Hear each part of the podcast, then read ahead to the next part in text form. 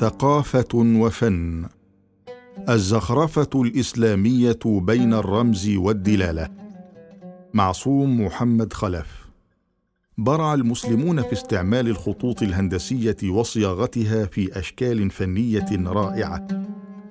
فظهرت المضلعات المختلفة والأشكال النجمية والدوائر المتداخلة. وقد زينت هذه الزخارف المباني كما وشحت التحف الخشبية والنحاسية ودخلت في صناعة الأبواب وزخرفة السقوف. ولئن كانت هذه الزخارف دليلا على موهبة فنية عظيمة فهي أيضا دليل على علم متقدم بالهندسة العملية. والزخرفة الهندسية ذات أهمية خاصة في الفن الإسلامي.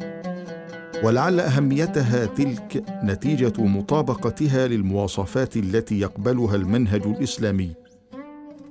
وهذا ما يفسر لنا ذلك الأثر الكبير الذي تفرضه على كل الفن الإسلامي. إذ أصبح الأسلوب الهندسي واحدا من الأساليب التي طبعت الزخرفة النباتية نفسها بأسلوبها. فكثيرا ما جاءت هذه الزخرفة بإخراج هندسي عجيب. بل إن الكتابة نفسها وهي الفن الإسلامي الآخر. كثيرا ما تفنن في إخراجها الفنان المسلم فجاءت في قوالب هندسية متنوعة الأشكال. لقد استطاعت الهندسة أن تفرض سيادتها في الفن الإسلامي وذلك بغلبتها على شبق الأشكال كما يقول جارودي. ولا يفوتنا هنا أن نذكر ما كان للفرجار من دور في تقدم هذه الزخرفة وسيادتها. فقد كان للدائرة دور كبير في هذا العطاء غير المحدود من الأشكال. يؤكد هذا ويوسع مساحته ملء بعض المساحات وترك غيرها فارغة. الحسابات الهندسية عند المسلمين. فالزخارف الإسلامية الهندسية بلغت ذروة نضوجها الفني بين القرنين الثاني عشر والخامس عشر الميلاديين حيث كانت موضع دراسة علمية نشرت مجلة العلم والحياة الفرنسية ملخصا عنها في شهر إبريل من عام 2007 واستنادا إلى تلك الدراسة التي أعدها العالمان بيتر لومان من جامعة هارفارد وبول ستاينهاردت من جامعة برنستون. فإن الفنانين المسلمين اعتمدوا في تصميم هذه الزخارف على حسابات هندسية لم يتوصل إليها العلماء الغربيون إلا في سبعينيات القرن العشرين. ورأى العالمان الأمريكيان أن الانطلاق من شكل هندسي بسيط في رسم امتدادات له تتقاطع وتتشابك لتشكل جملة أشكال لا تتكرر أكثر من مرة في رسم يبقى محافظا على وحدته وتجانسه. وقد استطاع المسلمون استخراج أشكال هندسية متنوعة من الدائرة منها المسدس والمثمن والمعشر وبالتالي المثلث والمربع والمخمس. ومن تداخل هذه الأشكال مع بعضها وملء بعض المساحات وترك بعضها الآخر فارغا نحصل على ما لا حصر له من تلك الزخرفات البديعة التي تستوقف العين لتنتقل بها رويدا رويدا من الجزء إلى الكل ومن كل جزئي إلى كل أكبر. ولقد كان هنري فوسيون دقيق التعبير عميق الملاحظة حينما قال ما إخال شيئا يمكنه أن يجرد الحياة من ثوبها الظاهر وينقلها إلى مضمونها الدفين مثل التشكيلات الهندسية للزخارف الإسلامية. فليست هذه التشكيلات سوى ثمرة لتفكير قائم على حساب دقيق. قد يتحول إلى نوع من الرسوم البيانية لأفكار فلسفية ومعان روحية غير أنه ينبغي ألا يفوتنا أنه خلال هذا الإطار التجريدي تنطلق حياة متدفقة عبر الخطوط. فتؤلف بينها تكوينات تتكاثر وتتزايد متفرقة مرة ومجتمعة مرات وكأن هناك روحا هائمة هي التي تصلح لأكثر من تأويل يتوقف على ما يصوب عليه المرء نظره ويتأمله منها وجميعها تخفي وتكشف في الواحد عن سر ما تتضمنه من إمكانيات وطاقات بلا حدود. زخرفة تنبع من الدين والتراث. للزخرفة الإسلامية مزاياها وأشكالها الخاصة التي تميزها عن سواها من زخرفة غربية أو آسيوية أو إفريقية. ولا غرو أن هذه الزخرفة المستمدة من تراث شرقي عربي قديم غلب عليها منذ مجيء الإسلام الطابع الديني وما زال حتى يومنا. وهذا الطابع لا يخضع لمنظومة موحدة خصوصا وأنه تطبع بالأشكال والألوان والمواد المستعملة التي كانت سائدة في العالم الذي دخله الإسلام. وهذا العالم كبير يمتد من الصين حتى الأطلسي حيث ترتكز الزخرفة الإسلامية على أسس عميقة الجذور تنبع من الدين والتقاليد المتوارثة. وقد هدف البناؤون والفنانون المسلمون في أعمالهم إلى إبراز خصوصية هذه التقاليد التي غلب عليها الإسلام منذ أن جاء. من هنا نرى العلاقة الحميمة بين الإسلام وفن العمارة والزخرفة وبناء المدن رغم الاختلافات السطحية التي نشاهدها فهي بمجملها تعكس روح الدين والخطوط الكبرى التي رسمها لحياة المسلم اجمالا والعربي تحديدا. وكلها تعتمد على ما أسماه بعض مؤرخي الفن الإسلامي السكينة والراحة الروحية والجسدية والتأمل والبساطة. ومن هنا نرى كم اعتمد فن الزخرفة الإسلامي على الألوان والضوء ووسع المساحات. إن عناصر الزخرفة الإسلامية يمكن اختصارها بستة عناصر هي فن الخط الهندسة الرسوم الطبيعية الحيوانات الضوء الماء.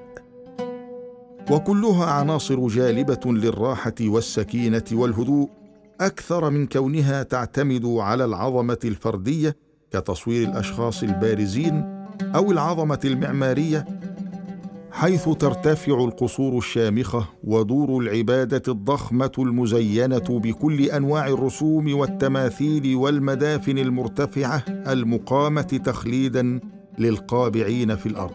لقد كتب في هذا المجال المعماري البريطاني أون جونز في القرن التاسع عشر. إن المبدأ الأساسي في فن العمارة هو زخرفة المبنى لا بناء الزخرفة. وهذا ما اعتمده البناؤون المسلمون. وكما يضيف جونز لا نجد اطلاقا زخرفة فاقدة الهدف أو زائدة أو غير ضرورية في الفن الزخرفي الإسلامي. إنها زخرفة طبيعية وواقعية. التناسق الهندسي واستنباط أنماط جديدة. وأبرز عناصر الزخرفة الإسلامية هو فن الخط العربي. فكل كلمة عربية ملفوظة أو مكتوبة منذ أن نزل القرآن أصبحت كلمة الله. وبالتالي اعتمدها الفنانون في أعمالهم الزخرفية أو التجميلية. فما من بناء أو صرح إسلامي يغيب عنه فن الخط. فلا بد من آيات تكتب على المدخل وفي القاعات والغرف. إن على حجارة البناء أو الخشب المستعمل أو في الرسوم. وغالبا ما تضاف إلى الآيات أسماء أصحاب البناء وتاريخ الإنشاء والذين صمموا أو نفذوا العمل. وقد يكتفى أحيانا بذكر اسم الله سبحانه وتعالى مكتوبا ومكررا أو اسم الرسول صلى الله عليه وسلم مكتوبا ومكررا. العنصر الثاني هو الفن الهندسي الذي أدخل عليه المهندسون المعماريون المسلمون نماذج لم تكن معروفة أو معتمدة من قبل. وهذه النماذج والأنماط تظهر حب المسلم للتناسق الهندسي والتكرار واستنباط أنماط جديدة أو استحضار الماضي البعيد السابق للإسلام. وليس من شك أن الفنان المسلم عرف كيف يمازج بين المساحات والأجزاء وبين الجمال الهندسي والضوء واللون. إن في العمارة نفسها أو في الفرش الذي اعتمده. العنصر الثالث أي الرسوم الطبيعية. فالفنانون المسلمون اعتمدوا إلى حد كبير في أعمالهم الزخرفية على الرسوم المنقولة من الطبيعة بدقة وإتقان بارزين. فقد رسموا النباتات والأزهار على الجدران والأقمشة وأشياء أخرى عديدة. وقد برز هذا العنصر فيما سمي عالميا بالأرابيسك. أو الزخرفه النباتية الهندسية التي تظهر النباتات من أشجار وجنبات وأعشاب على طبيعتها من دون إضافات أو تبديل. فنحن نرى شجرة نامية تتشعب أغصانها وتبرز أوراقها بألوانها الطبيعية وتتفتح أزهارها التي لا تذبل. لم يشجع الإسلام الفنان المسلم على رسم الإنسان أو الحيوان.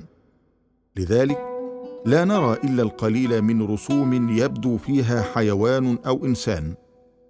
فهذان المخلوقان المتحركان هما في ضمير المسلم ومعتقده من خلق الله. وبالتالي يستحب تجنب إعادة خلقهما في الرسوم والأعمال الزخرفية. أما الضوء فهو بالنسبة للمسلم عامة وللناطقين بالعربية بنوع خاص رمز الوحدة الإلهية فضلا عن أن الطبيعة التي يعيش في كنفها تمتلئ نورا وضوءا أكثر من أي طبيعة أخرى.